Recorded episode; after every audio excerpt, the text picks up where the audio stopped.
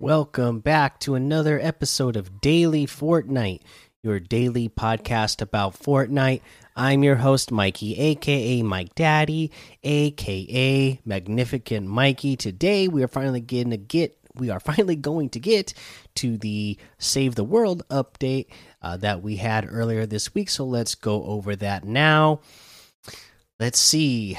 Calling all commanders, the Hit the Road venture season rages on. Keep on powering through those blasted badlands and collect the latest seasonal rewards before the scheduled end date of September 4th. As mentioned in a previous home base report, we're aiming to analyze and improve underused and underperforming hero abilities. To address the matter, our very own Major Oswald has an update on one of those hero abilities grenades. Listen up, recruits, as I'm sure the dedicated among you have noticed, our grenades have. Our grenades just aren't doing the job. Husks have been able to brush them off like they are just a feather in the wind. That won't be the case anymore. Clip's been grinding away in her workshop and has provided us with higher damaging grenades. Exciting, isn't it? Be sure to keep an eye on your energy commanders. While these grenades pack a punch, their energy cost has been slightly increased to accommodate the increased power. Along with increased damages to grenades, the following perks have been buffed Cluster Bomb, Grenade Damage, Pull the Pin, and Keep Out. We're hoping to share details on another round of challenges or uh, another round of changes in the next report. Major Oswald, thank you for the for the update, Major. Now back to our regularly scheduled report, home base status report initiate. Coming August 7th, the surround pound drops into the event store, escort cloak star in the Hit the Road Part 2 and the Tales from the Beyond quest line. Drop the base with the surround pound, smash the ground, and create a series of sonic pulses that damage and knock back enemies as loud as it is powerful. The surround pound comes to the event store on August 7th. Cloak Star hits the road part 2. Cloak Star makes his way back to the radio station to broadcast part 2 of his Song of the Summer during the week.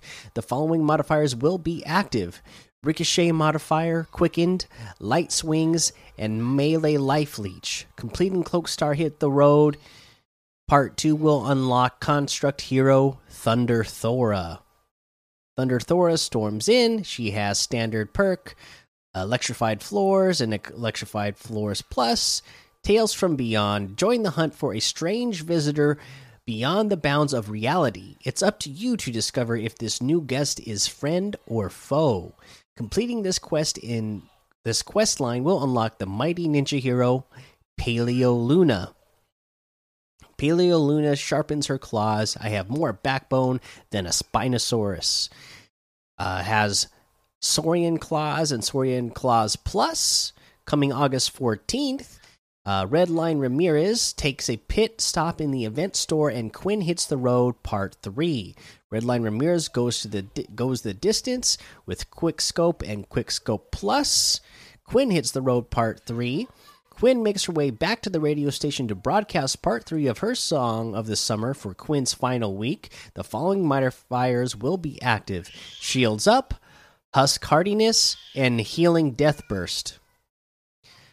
Uh, if you complete part three of Quinn's Hit the Road challenge to earn, wait, complete part three of Quinn's Hit the Road challenge to earn gold tickets and the returning Hit the Road loading screen, which is a pretty cool loading screen to be honest. And then uh, another ad for the Lockbot pack. All right, there you go. There's our Save the World update. Let's go ahead and look at the LTMs that we have today Team Brawl and Team Rumble again, they're uh, taking away the LTMs periodically. I know earlier today that uh, a lot of them were back up. Uh, and then seems like they're taking them down again because again there's still multiple showings left for the rift tour i mean as the time of this recording there are still three showings left to go so uh, still still plenty of chances to to to check this thing out if you didn't get to see the rift tour yet uh, let's see. Uh, let's go ahead and talk about a challenge tip. The next one we are on is you need to use um, an IO launch pad. And again, for that, you're just going to go to any of the radar stations uh, and uh, use the launch pads that are there. And that's it. It's it's it's that simple of a challenge, right? Um, you know, they're they're all around Slurpy Swamp now as well. Now that it's being uh, being abducted, it seems like the IO guards are uh, keeping an eye on that. So there's more of the launch pads around there. Uh, we can go ahead and look at the item shop now and see what's in the item shop today.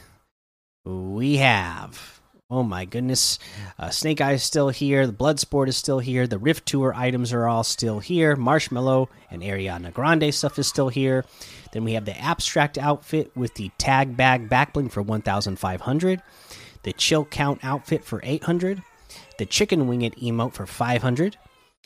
The Sunsprout Backbling for 200 the cross bounce emote for 500 the sproing emote for 200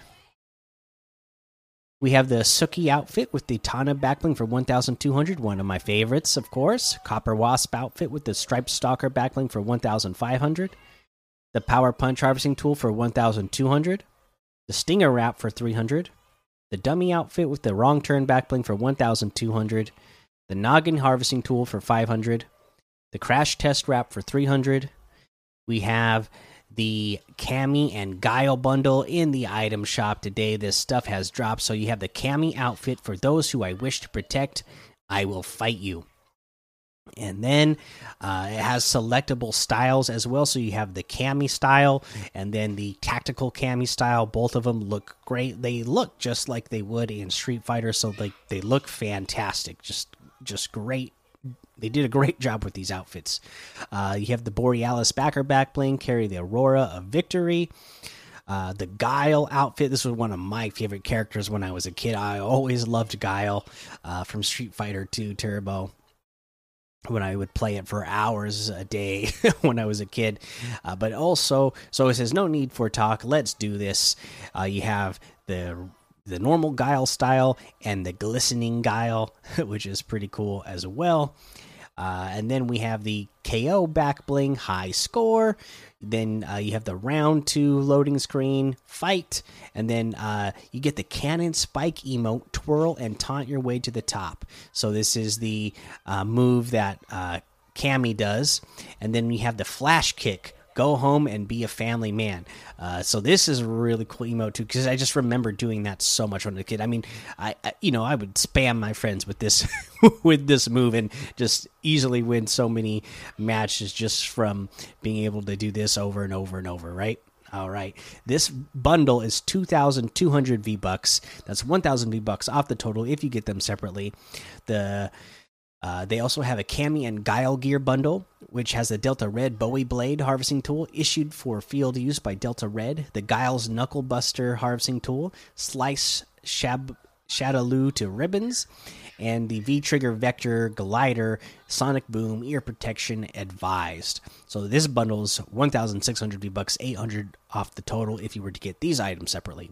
If you get these items separately, the Cammy outfit comes with the Borealis backer backbling and the uh, cannon spike emo all for 1600 the guile outfit with the ko backbling and the flash kick emote all comes together for 1600 the delta red bowie blade harvesting tool is 800 the guile's knuckle buster harvesting tool is 800 and the v trigger vector glider is 800 uh, that is everything today. So you can get any and all of these items using code Mikey M M M I K I E in the item shop, and some of the proceeds will go to help support the show. Okay, we're talking about using launch pads, using the IO launch pads, and again, uh, you know, if you're going to a low gravity area like we have over in uh, Slurpy Swamp, uh, you should know if you haven't been going over there, when you use a launch pad in that low gravity area, it launches you. It gives you a super launch. Like you'll, you can launch all the way to the top of the tallest building that is being abducted right now in Slurpy Swamp. So, uh, there's if you just go to use, use some launch pads in that area, you will be able to uh, get a lot of unsuspecting.